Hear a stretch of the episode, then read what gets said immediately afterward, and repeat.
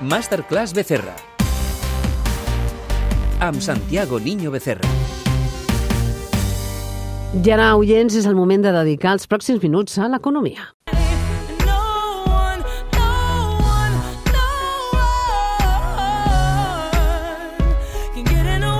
Santiago Niño Becerra, què tal? Com estàs? Molt bé, bona nit. Què tal, Chantal? Molt bé, setmana de mobile, eh? setmana de gran impacte econòmic i mediàtic a Barcelona, però el Santiago, que és gat vell, ha posat el dit a l'ull i, atenció, un tuit de fa uns dies diu es preveu que el mobile deixi 350 milions d'euros. S'ha calculat els costos directes i indirectes? És a dir, que no tots són guanys? A quines despeses et refereixes? A veure. Bueno, eh, aquests diners són els diners que una, mm, per la via directa o indirecta deixarà al Congrés, al Mobile, a Barcelona i, en, i a Rodalies. Mm, I això és cert, això és una estimació de despesa, però mm, el Mobile mm, crearà uns, unes despeses directes, més, de, més consum d'aigua, brutícia, més despesa de neteja eh, i, per altra banda, indirectes, mm, més problemes per conducció, més problemes de trànsit, eh, i altres que són pràcticament impossibles d'estimar, però que estan, a, estan allà. Eh, per exemple, mm, tota la, la problemàtica que han creat els taxis pirates, que han vingut d'altres zones d'Espanya o de, inclús de França, eh, i l'impacte que han tingut mm, de menys ingressos sobre els taxis legals i els, i els cotxes legals aquí a Barcelona. És a dir, que aquests ingressos estan bé, però jo crec que s'han de també tindrien d'estimar les despeses. Bé, però escolta, ara et veig, escolta, que vingui el mobile i els diners que deixes molt important i és una gran notícia sí. per Barcelona, eh? No, no que, que sí que és important, però, però jo crec que eh, es tindria de controlar, es tindria de tenir en compte, com et dic, que sembla ser que ha sigut bastant important, eh, a tots els xofers pirates que sense mm, tenir permís ni llicència ni res uh -huh. s'han posat a transportar gent. Són, és menys negoci que han fet els cotxes, els taxis i els, i els VTCs legals a Barcelona, uh -huh. per exemple. No os perdeu més reflexions de Santiago al seu Twitter, perquè deia l'altre dia, ¿recuerda las veces que se dijo lo imprescindible que era que los niños aprendieran a programar? Pues eso se acabó. Nuestro trabajo es crear tecnologia informàtica para que nadie necesite programar. És un exemple de com anem tots plegats de, de perduts, no? O com la revolució digital ho està transformant tot, Santiago? Sí, aquesta és una reflexió que va fer el conseller delegat d'NVIDIA, la, ja saps, l'empresa aquesta especialitzada en, en targes gràfiques, que, que està, bueno, està venent la remonda eh, de cara a la intel·ligència artificial i bueno, el que diu és això, eh, el que diu és que eh, el nostre objectiu és que ningú tingui de programar. I bueno, jo, jo recordo, Chantal, i tu recordaràs, que eh, fins fa quatre dies eh, es deia que a les guarderies es tindria d'ensenyar a programar als nens. Eh, jo mm, mm, mm vaig veure de seguida la importància que tindria de cara a la programació. Eh?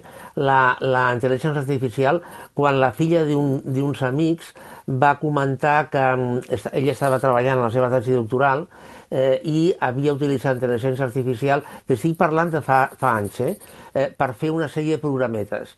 Diu que programetes que a ella li costaven mitja hora, eh, la, la, el xat GPT li feia amb segons. Clar. Una altra notícia que preocupa el Santiago. Lituània, Estònia i Eslovènia superen el nivell del PIB per càpita d'Espanya. Expliquen què vol dir aquesta notícia que tu dius que és bastant trista, perquè estem parlant d'un PIB per càpita de 32.565 eh, euros anuals, mentre que la mitjana europea és de 39.276 euros, gairebé 7.000 menys. Sí, aquí la problemàtica ve donada per la productivitat. Espanya, eh, malauradament, creix a base d'incorporar eh, persones, mm, població activa, eh, al mercat de treball i, i, i ocupar-les. Clar, per una banda es pot dir, bueno, però això està molt bé perquè l'ocupació creix.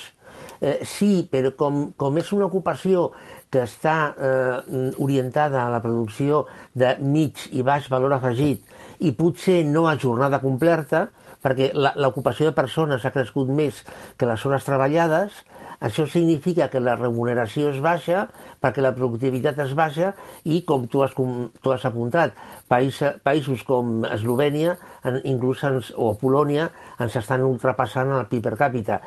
Això és, una, un, un, això és molt dolent perquè eh, hi ha experts que apunten a que a, això, aquesta, aquest problema a Espanya ja s'ha cronificat. Què, què vol dir això? Això vol dir que Espanya ha entrat en una, en una dinàmica que ja no pot donar la volta a aquesta situació. Parlo d'Espanya en el seu conjunt, eh? no estic parlant de, de zones concretes. Eh, hi ha zones d'Espanya que tenen una productivitat molt, molt elevada, però, però, però no en general. I això significa que Espanya d'alguna manera està condenada a tenir una renta baixa.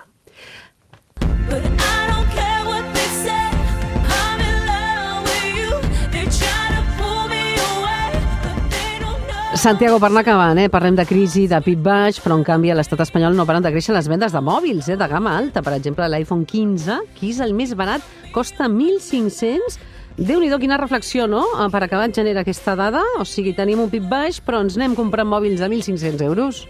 Bueno, sí, però, Chantal, no tothom, eh? ni molt menys. Eh? No, no, no tothom. Eh, no, clar, ja.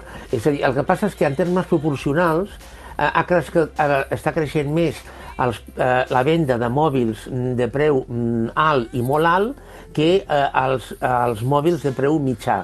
El, els de preu molt baix, mm, aquests sembla ser que no, que van més o menys igual, però és la gamma mitjana la que està baixant més que és curiós perquè això d'alguna forma mm, vincula amb la eh, reducció de la classe mitjana.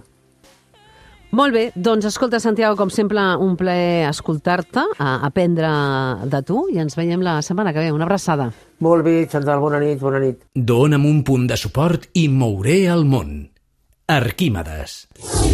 Revolució 4.0 a Catalunya Ràdio amb Xantal Llavina.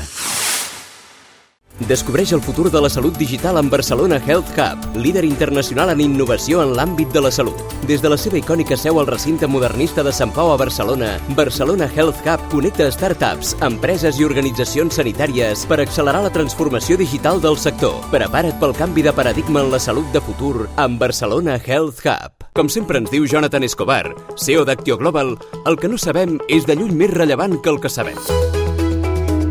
Les millors empreses del món són les que posen un focus salvatge en el que volen transformar, ho executen a una velocitat superior als seus competidors i posen els clients al centre i els equips al capdavant.